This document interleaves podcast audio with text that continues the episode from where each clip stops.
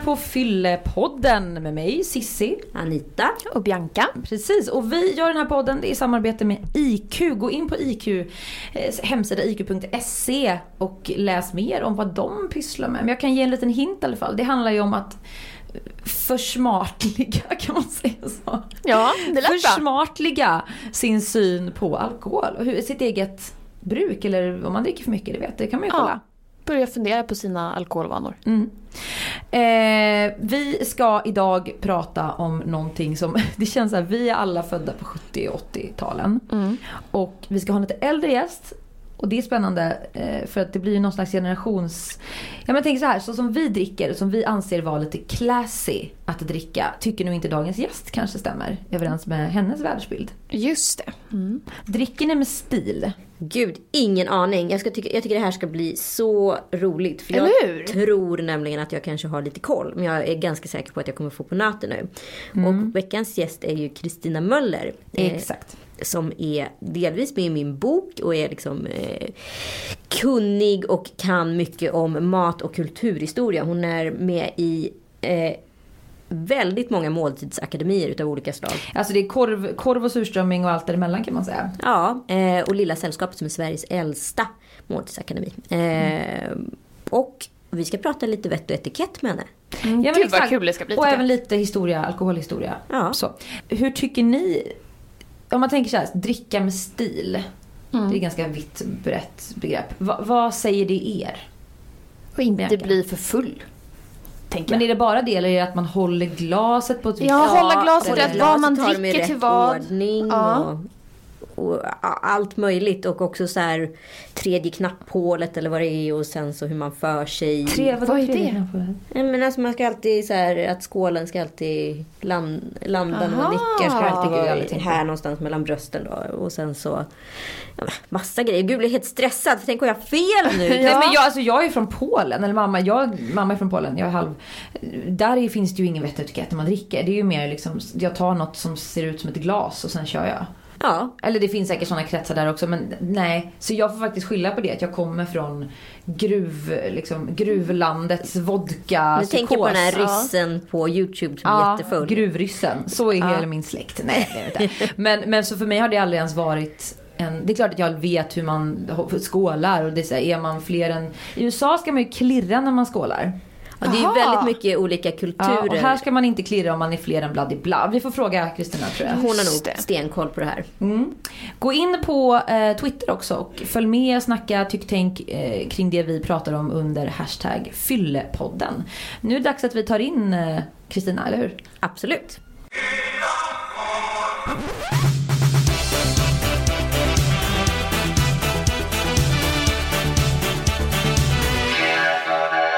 Välkommen hit Kristina Möller. Tusen tack. Jag tänker så här, eh, ja, vi har läst på, vi har läst på och tänkte hur ska vi presentera dig? Eh, så att vi låter dig helt enkelt presentera dig själv. Det är klokt. Det känns som att det, det, var, det var korvar och surströmmingar och eh, allt möjligt. Så jag tänkte att vi, jag lämnar den bollen till dig. Ja, tack. Vem är du? Ja, jag har arbetat med mat och måltid i hela mitt liv. Och eh, jag har varit chef för KFs provkök, eller Coop provkök i 25 år. Och arbetat i konsumentkooperation i 35 år. Eh, idag är jag matdebattör. Jag eh, arbetar med många akademier. En kunglig akademi, Kungliga Skogs och Lantbruksakademin. Eh, jag är ledamot i Surströmmingsakademin på stol nummer 6 och i Korvakademin är jag preses. Och, eh, och dessutom så sitter jag ju i väldigt många juryer för Årets unga kock och Årets kock. Och ehm, eh, för regionala kockar och ja, eh, så att det är ett stort, en stor del av mitt Du är arbete. inte helt lätt betitlad kan man säga så. Nej, precis. Jag gillar sådana människor. I USA säger man att man är andist, alltså och-ist. Aha, Man gör det och det andist. och det. Andist. Just nu är jag jätte eh, sysselsatt med att eh, sitta i en jury med årets måltidslitteratur. Där det Ja. i år har kommit mer än en bok om dagen. 371 böcker har vi fått Oj. in nu. Och du har läst allihop? Ja, På riktigt? ja. Åh herregud. Och jag har lagat mat eh, ungefär tusen recept ur böckerna. Det jobbet, kan inte jag få ditt jobb så kan jag sluta för du sitter här istället. Eh, men Kristina, alkohol då? Hur kommer det in i... Är det en naturlig del av den här världen? Eller skulle du säga att det är ett litet sidospår? Det har varit ett sidospår men det är idag en del av det hela för vi pratar ju väldigt ofta om mat och vin. Och bland de böcker som jag jobbar mycket med så är det ju mat och vinböcker som är de som kommer väldigt kraftigt. Jag har också hjälpt eh, Systembolaget att arbeta med eh, att föra ut eh, de alkoholfria dryckerna. För där sitter jag i en grupp som heter Föreningen Fruktdrycker och vi arbetar väldigt hårt med att eh, arbeta med det goda värdskapet. Vi har inga synpunkter på de som dricker och så vidare, det gör jag själv. Men just att föra ut det alkoholfria alternativet och det är vi jätteframgångsrika Och det har ju gått jättebra. Ja, fantastiskt! Men det beror ju på att det är som kvalitet på de alkoholfria dryckerna. Det finns ju jättemycket olika så, eh, alternativ att dricka. Du, vad betyder alkohol? Alkohol, det är rena rama, rama arabiskan. Är det så? Nu pratar du om själva ordet här, Ja. så vi hänger med här. Ja. Ja. Och eh, det är verkligen en fingervisning från var vi fick kännedom om konsten att tillverka sprit. Al i alkohol, al, det är den bestämda artikeln. Och kohol, det kommer, är- det är en jättekonstig förvanskning av arabiskans kol och det betyder någonting som heter antimon. Och det är ett, ehm, eh, det är ett finpulveriserat eh, eh, antimonglans säger man. Och det är ett mörkgrått mineral och det ingick i de orientaliska kvinnornas ögonsmink. Och det var det finaste, finaste av allting. Och då fick den, det här namnet kohol, det fick eh, betydelsen av det absolut finaste av allting. Och, och sen när man skapade då mm, termen alkohol så avsåg man det absolut finaste vinet egentligen, för det var ju vin man pratade om. Så egentligen så betyder alkohol vin från början. Ja, från början. Det finaste vinet Det finaste. betyder det. Ja. Vad kul, Och alkoholens historia i Sverige det är ju stort sett summan av brännvinet, vinet och ölets historia. Men vi är väl... Brännvinsbältet. Ja, Absolut, det är vi ju fortfarande. historia är väldigt intressant just med alkohol. Stämmer det, om vi ändå är inne på historia, att um, arbetare, så här, rallare och sånt för fick betalt i brännvin, i sprit? Absolut, och det var många fler som fick betalt. Alla som jobbade på bondgårdarna och drängar och allting så. När upphörde det här? Ja, jag skulle gärna vilja börja med eh, 1467 vill jag börja Ja, du får börja där. Du börjar var du vill, ja. För då var det en eh, kruthandlare i Stockholm som inhandlade destillerat vin från Lübeck. Och det skulle han använda till kruttillverkning. Och det visade sig snart att det också gick att dricka. Och då var brännvinet i Sverige 1467. Sen eh, 1494, det var inte så hemskt långt efter, så utfärdade Sten Sture den äldre ett förbud mot att bränna och sälja brännvin i Stockholm. Och då kan man ju förstå att det här blev ju en enorm succé i Stockholm. Och alla ville ju dricka det här brännvinet. Men det gick alltså eh, nästan 20 år, sen blev det förbjudet. Ja, det måste ju vara Varför ett ramaskri. Ja, precis. Ja. Varför då, undrar. Jag, jag tror att man helt enkelt drack för mycket. Det gick, ut, det gick ut över arbete och, och säkert också över hälsan. Men jag tänker på det, förlåt, att alla våra liksom krig, alla våra soldater, alla våra bönder. Allting måste ju förr i tiden ha präglats utav alkohol. Alltså hela vår historia är ju byggd och baserad på att folk har varit fulla. Hade livet sett Det förklarar annorlunda ju en del. Ja, utan alkohol kan man ju fundera på. Jättedåliga beslut, förklara det. Ja, och, och det var ju brännvinet för vinet. Det fanns ju men det var ju i, eh, i de högre skikten om jag får säga så som man använde. Utan brännvinet var ju i, i, eh, ja, i bondesamhället främst. Men 1590 så hade vi en kung som hette Johan tredje. Och eh, han eh, hade jättemycket ryska fälttåg. Och då lärde sig de svenska soldaterna att bränna brännvin av säd. För att eh, det, det, det var ju fantastiskt för att man odlade ju så mycket spannmål överallt. Och sen 1698 så förbjöd man husbehovsbrännvin. För att innan under slutet på 1500-talet och nästan hela 1600-talet så brände man hemma. Det var ju enormt vanligt att man gjorde det.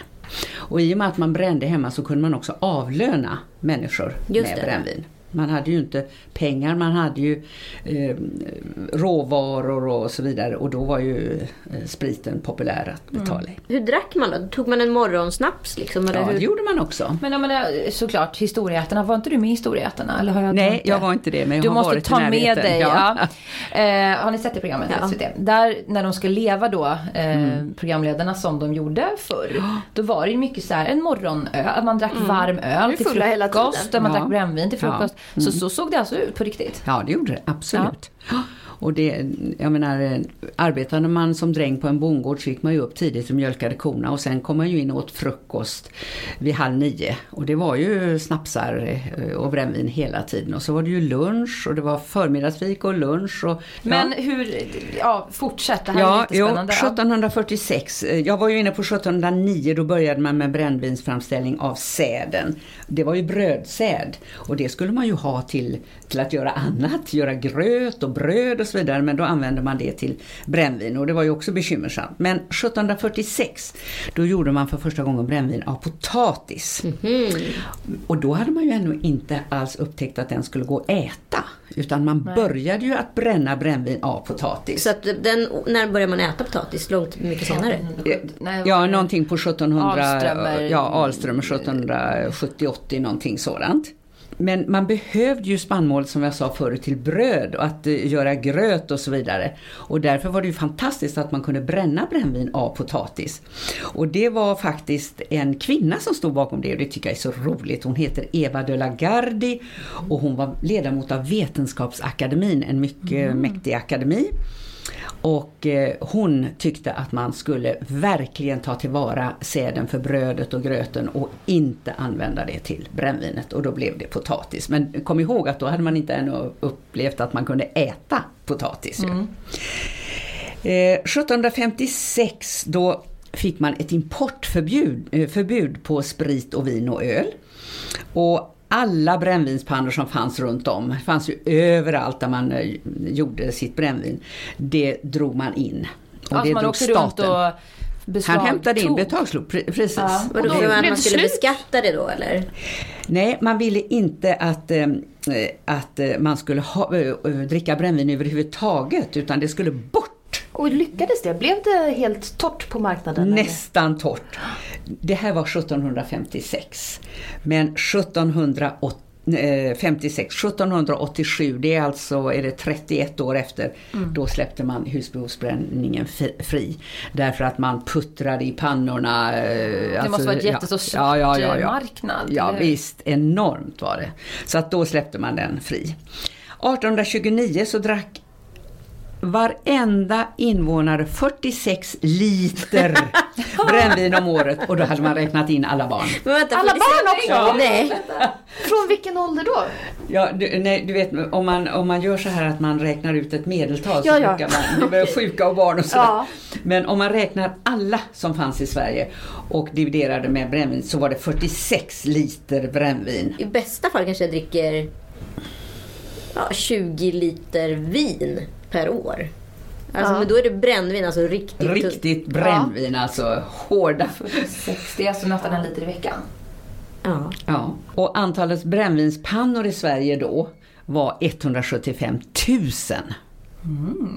Och hur många invånare var det i Sverige på den tiden? Vet Ja, vad ska man, 1800 ja, kanske 3,5 3,5 miljon. Ja, gud, ja.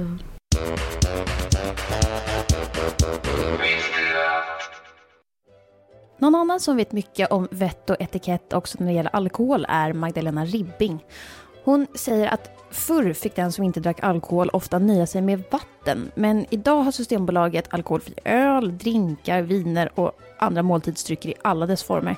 Det är alltså fullt möjligt att servera en trerättersmiddag med passande viner även utan alkohol. Serverar man en fiskrätt till förrätt och har ett vitt vin till det så ska man också servera ett vitt alkoholfritt alternativ. Och kommer det sen en rådjursfilé till exempel till varmrätten och ett rödvin till den så har man ett rött alkoholfritt alternativ. Ett annat skäl till att erbjuda annat än vatten är att den som är nykter kanske inte vill ha frågor om vad det är i glaset. Följer man vinfärgen så kan den som dricker alkoholfritt istället få koncentrera sig på att ha roligt.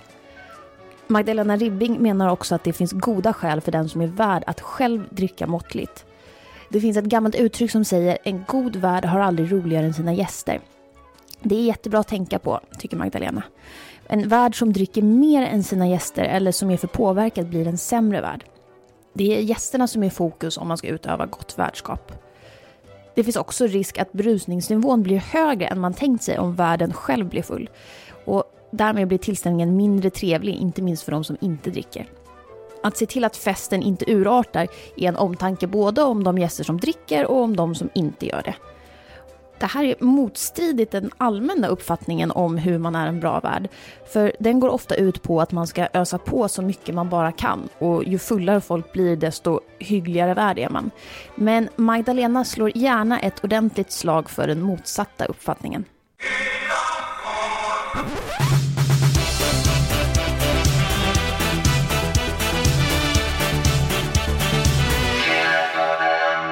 Men sen undrar man ju lite, när kom Systembolaget? Och 1850 så var det några bergsmän i Falun som bildade det första Systembolaget och det gjorde de, förstår ni, lite roligt, i sedlighetens intresse. Mm. Och den vinst de skulle få på försäljningen, det skulle gå till eh, allmännyttiga ändamål. Det var liksom lite sådär. Men eh, de hade inte så stor framgång. 1855 så fick man en brännvinsförordning som skapade lite ordning och reda i handeln med eh, brännvin och då fick man inga eh, e eh, enskilda vinstintressen. De här killarna sålde Och nu är vi inne i industrialismen? Eller ja, det är, man, det är vi. Och eh, sen kom 1867, då bildade man ju det som är aktiebolaget Göteborgs Systembolaget. Systemet och det är ju det som eh, eh, vilar, alltså som nya Systembolaget vilar på. Men parallellt med det här började ju liksom kvinnorna bli trötta på alla fulla män och misshandel absolut. och allting. Så att det började uppstå massa nykterhetsrörelser. Ja, absolut. Många nykterhetsloger och så vidare. Och det var kvinnorna som var väldigt aktiva. Det var ju folkrörelser som startade. Och eh, sedan kom ju socialdemokratin och men det, det kom ju eh, Kyrkan var ju väldigt aktiv naturligtvis mot att man inte skulle dricka och, så, att, eh, det så var Systembolaget många... var ena instansen och så var ja. nykterhetsrörelserna på den andra? Ja, precis. Men hur restriktiva var Systembolaget vid den här tiden? Var de, tog de sitt ansvar och predikade en, eh, vad ska vi säga, ansvarsfull eh, konsumtion? Nej, eller? inte som det är idag. Nej. Det gjorde de ju inte. Och Då var det mer köp så mycket du bara kan ungefär? Ja, egentligen. Och det var ju, alltså man hade ju sprit. Man hade ju inte så mycket vin. Det var ju inte många som drack vin. Jag menar vinet kom ju inte förrän eh, i slutet på 1960-talet, ni vet. Mm. Ja. Rövens vänster, Precis, ja precis. Eh, 1905 så sa man att all brännvinsförsäljning i Sverige skulle skötas av särskilda bolag med statlig kontroll. Det första 1905. Mm. Och det var väldigt viktigt. Och sen eh, 1912 så införde det här Göteborgssystemet att man skulle registrera individuellt alla som köpte. Oj! Ja. Motboken? Som man hade koll Nej, på... den kom inte riktigt ännu. Det var som man hade koll på hur många som drack vad? Eller ja, som, eller hur, hur mycket folk drack överhuvudtaget. Ja. 1914 så kom Göteborg, Stockholmssystemet. Mm. Men ni vet, tänk vad lång tid det tog. Från 1865, vad är det, det är 35, 45, 49 år tog det innan eh, eh, Stockholmssystemet började sin verksamhet. Och då började man att införa motbokstvång och individuella ransoneringar. Och kan du förklara för de som inte vet vad motboken är? Ja, då ska jag berätta om det. Det var ju, det var ju egentligen ett försök att minska alkoholkonsumtionen. Det var ju det eh, som det hela mm. gick ut på. Och motboken, jag har ju sett flera stycken, det var ett litet häfte, så här, en liten bok kan man väl säga, som var alldeles gråbrun sådär. Och eh, det var ju en, en bok som man stämplade. Det var plats för massa stämplar i den boken. Och eh, då skrev man ju upp precis vad folk handlade och så fick man eh, ransoner. Och från början så använde man ju bara motboken till spritdrycker. Inte till vin eller öl eller så, utan det var bara eh, spriten. Och det, nu när jag gått igenom historien så förstår ni att det var ju spriten som var problemet. Mm. Mm. Den som eh, införde den här motboken, han var ju läkare och han var politiker och han hette ju Ivar, Ivan Bratt. Mm. Ivan Bratt.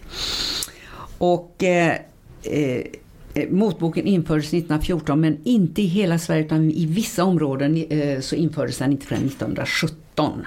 Okej. Och sen fanns den fram till 1955. Det är ändå väldigt länge. Ja. Fem är länge. Ja, det var Men ju och hur mycket- farmor och farfar var unga och fick gå och handla. Så. Men hur, hur, hur mycket fick man dricka då enligt Jo. boken? Eh, man, eh, alltså det var ju det, var, alltså det är något som jag tycker är så hemskt och jag har sagt så många gånger men det var ju inkomst, kön, förmögenhet och samhällspositionering som styrde tilldelningen. Alltså den som var arbetslös, den som inte hade någon inkomst, han hade ju, kom ju aldrig på frågan. Och det gällde också gifta kvinnor. De Och- fick inte ens nej. köpa någonting. Nej. Men ogifta kvinnor? Ja, och yngre människor i allmänhet de fick ju inte någon motbok. En ogift kvinna kunde få en motbok men hennes ranson var ju långt mindre än mannens. Och som kvinna och hushållerska till exempel i en familj så hade man ju inte en enda chans att få en motbok om mannen i familjen hade det. Så det är ju helt väsensskilt från vad vi tänker idag.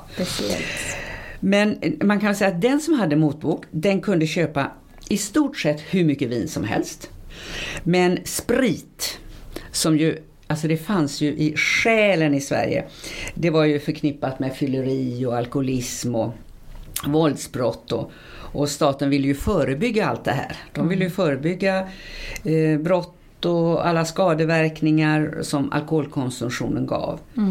Men vindrickandet, det tyckte man att det skötte svenskarna väldigt bra. och Det var ordnade former och, och, och de berördes inte alls av restriktionerna. Men det är klart, som jag sa förut, att det var ju bara den, de högre samhällsklasserna som drack vin. Men får jag fråga en sak? För det finns ju ändå någonting i det här som påminner lite om taxfree ransoneringen. Ja, just det.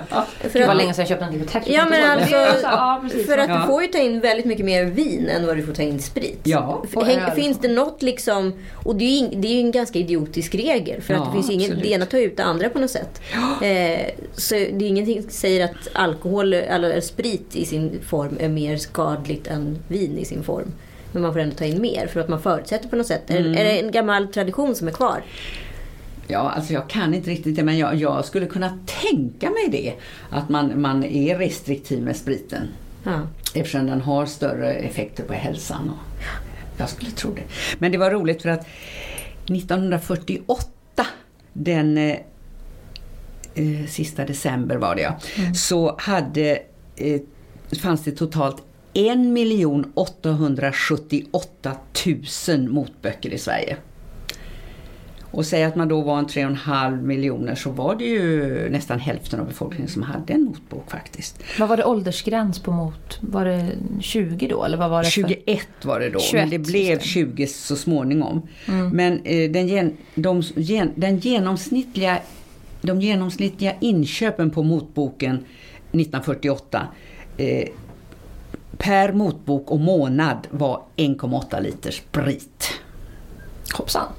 Ja, det är ju en del. Ja, det är en del. Mm. Ja. Och det är ren brännvin då, det är inte vin. Nej, det är rent brännvin. Nej, vinet tyckte man ju att eh, Det svenska folket skötte väl, men det eh, skötte bra. Så det var en ju ganska generös motbok ändå. För man har kanske bilden av att det var jättestrikt. Men ja, för vissa då i alla fall. Men Ja. det var protester och grejer när det där eh, in, sjönk i mängd, eller hur var det? Ja, det var det. Och, men det, det var ju framför allt det här att, att det var kön och förmögenhet och den här samhällspositionen och så som var. Men man har ju hört talas om, eh, jag kommer ihåg när min mamma fyllde 50 år. eh, 1952 så var det ju väldig diskussion om eh, hur man skulle få tillräckligt med sprit och hur man Till skulle kunna köpa. Ja, för att hon, hon hade ju inte någon eh, motbok för min pappa hade ju det då. Så att det blev ju, jag kommer ihåg diskussionen faktiskt. Så att eh, då sa min mamma så här att ja men vi får väl köpa vin då men det är väl ingenting att Det är väl ingenting att ha. Nej precis och det, det vittnar lite om hur man tänkte sådär. Men spriten var ju inte på den tiden i början på 50-talet. Nu avskaffades den ju 55 men eh, på 50-talet det var ju inte bara sprit så att säga brännvin utan det var ju Ja, konjak och det var ju allt, alla möjliga eh, sådana drycker. Men varför avskaffades den? Det, det var ju väldigt stark eh, eh, det var ju många som var emot. Ja, ja precis, också, det var ja. det absolut. Och eh, eh, För de här klassystemen fanns kvar ända in på 50-talet, alltså, eller hade det förändrats? Ja, det var ju på väg i alla fall att förändras. Och 57 be- så besök, beslutade riksdagen om att man skulle ha ett, en legitimationsskyldighet när man gick och handlade på Systembolaget. Och den har faktiskt funnits ända sedan 57 och den har ni väl upplevt som, som unga. Eh, att den är viktig. Och sen börjar ju 1957 var ett jätteviktigt år och jag kommer ihåg det väl trots att jag inte var sådär jättegammal men de började då en stor kampanj för att man skulle dricka mindre starksprit. Redan En då. statlig kampanj då? Ja, en statlig kampanj, precis. Och 1963 så skärpte man legitimationskraven väldigt kraftigt. Och 65, det glömmer jag aldrig, då införde man eh, mellanöl. Och det, just det, man kunde köpa det i, I livsmedelsbutiken, ja. Mellanöl är f- är 4% va?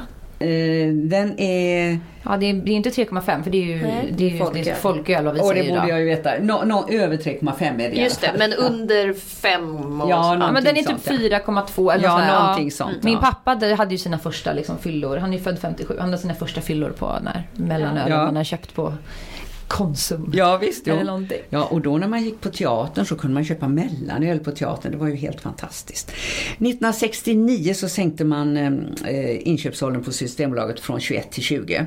69. Mm. Och eh, sen 79 så kom det ytterligare skärpta krav, krav när det gäller marknadsföring av alkohol.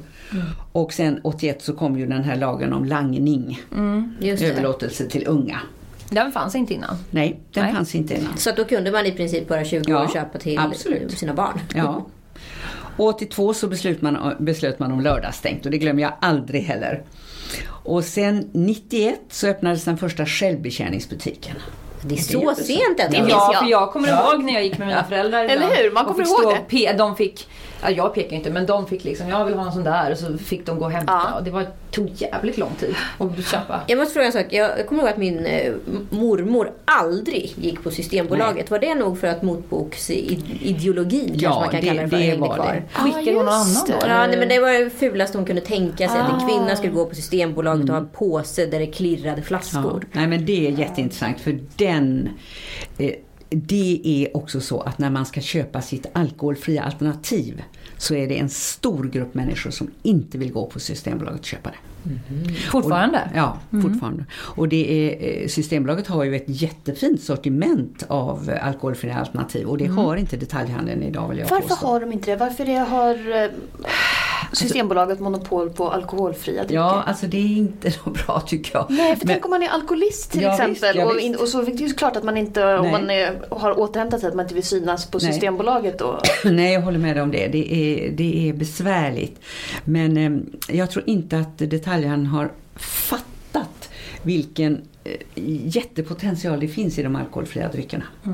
Det börjar komma lite grann av alkoholiserade viner men inte så mycket. Sen 93 så bestämde EU-kommissionen att svenska regeringen eh, de, de, då meddelade de den svenska regeringen att Systembolaget får finnas kvar.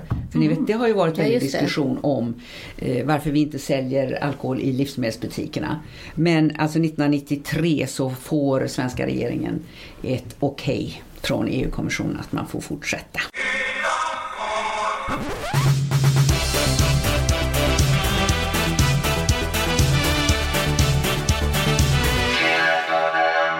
Innan vi släpper iväg dig igen Kristina. Tänkte det här var ju världens intressantaste historielektion. Jag skulle vilja höra mer. Men det får vi ta en annan gång. Men vett och etikett. För det är ju din... Du kan ju väldigt mycket om det också. Ehm, vad tänker du kring svenskar idag och hur vi, hur vi, hur vi gör kring vett och etikett och alkohol? För vi oss? Kan vi föra oss? Ja, alltså det som är roligt är att det har ju blivit väldigt mycket mera intressant för många. Jag har ju massor med ungdomar som hör av sig hela tiden. Allt ifrån eh, placering vid bordet till hur glasen ska stå, hur man skålar och allt möjligt Ja. sådant. Så Men såna här har- grundläggande regler, börjar man från höger eller börjar man från vänster? Man börjar med glasen från höger. Där har man dricksglaset. Och sen kan snapsglaset stå där. Och huvudglaset till huvudrätten, till exempel om man dricker rött eller vitt vin, det står framför tallriken exakt. Och sen följer då om man ska ha någonting till desserten. Någon eh, sherry, madeira, någonting sånt. Eh, Så att så är det, från vänster till Nej, från, från, Höger. från Höger höger till vänster. vänster. Får inte fel. Nej. Höger till vänster. Oavsett om man är vänsterhänt eller högerhänt. Ja, Och när det gäller artighet och hövlighet och sådär, hur, hur gör man där då när man ska skåla och vem väntar man in? Och vilket håll ska man titta egentligen? Det här blir jag alltid förvirrad av. Jag kan aldrig lära mig om jag ska börja från höger eller vänster. Eller, och ska jag börja eller sluta med eh, min, min bordsherre? Ja, alltså eh, förr var det ju så att eh, man eh, värdparet eh, lyfte ju glaset och hälsade välkommen. Och ingen drack ju någonting innan dess. Det var ju fördrinken då, men sen inget innan dess. Idag är det ju, man kan göra så, men man är ju ganska fri att göra som man vill. Men det är ju trevligt om man inväntar värden eller värdinnan och de säger någonting tycker jag. Och sedan så kan man ju antingen så dricker man precis som man vill. Eller också så lyfter man sitt glas. Och då lyfter man ju det först mot bordsdamen då. Och då alltså. ska man ha öppen famn mot den man skålar ja, med. Gärna att man skålar med glaset i vänster hand då. Nej, nu är det höger, förlåt, höger. Så att man, man, man skålar så mot varandra och tittar varandra i ögonen. Det är ju trevligt. Eh, är man på någon militärfest och sådär som jag har varit ibland, då skålar de eh, efter tredje knappen. Tredje knappen. Ja. Jag hade det. Du hade rätt Anita. Men måste man skåla varje gång man ska ta en klunk då? Eller? Ja, det behöver man inte, men så gjorde man alltid förr. Då skålade man med, eh, värden skålade med damerna och värdinnan skålade med herrarna. Och sen skålade man först med sin bordsherre och sen skålade man med den på andra sidan. Och sen kunde man skåla med den som satt tvärs över och sådär. Det var ju ett väldigt skålande och så. Men det är ju, man kan göra det men det behöver man absolut inte göra idag. Man tar det lite lättsammare. Men om jag är på en middag då börjar jag med att, alltså att eh, lyfta glaset ungefär till tredje knappen. Eh, och så tittar jag då åt från höger till vänster. Ja, Och sen så tillbaka. ja. Och hur håller man glaset då? Ska man ha lillfingret ut eller hur är det? Nej, det tycker jag inte. Man, man håller ju i, i själva... mm, Jag härmar dig. Ja, själv. Foten. Ja. Ja. Så där man, håller du ju håller- aldrig, ja, man håller ju aldrig ett vinglas eh, I runt själva i- i- glasdelen. runt själva glaset. Och jag menar det är ju en, har man ett vitt glas och håller så då blir ju vinet varmt. Ja, så det är ju rent praktiskt så. Men ba bara hålla i skälken Ja, eller vad man säger. ja. Inget mer, Nej, inget inget mer komplicerat ing- än så. nej, inget mer Var har jag fått det komplicerat. fingret ifrån då? Ja, kanske det du som har ett litet flyende lillfinger. Ja. Hörni, vi måste avsluta. Det här var en väldigt intressant, ett väldigt intressant avsnitt. Vi tackar dig jättemycket Kristina Möller för att Ja, du kom tack. hit. Tusen tack. Nästa vecka så kommer Kalle Zackari Wahlström hit. Och gå in på iq.se, läs mer om det vi håller på med och vad IQ håller på med. Och följ oss på Twitter, hashtaggen är Fyllepodden.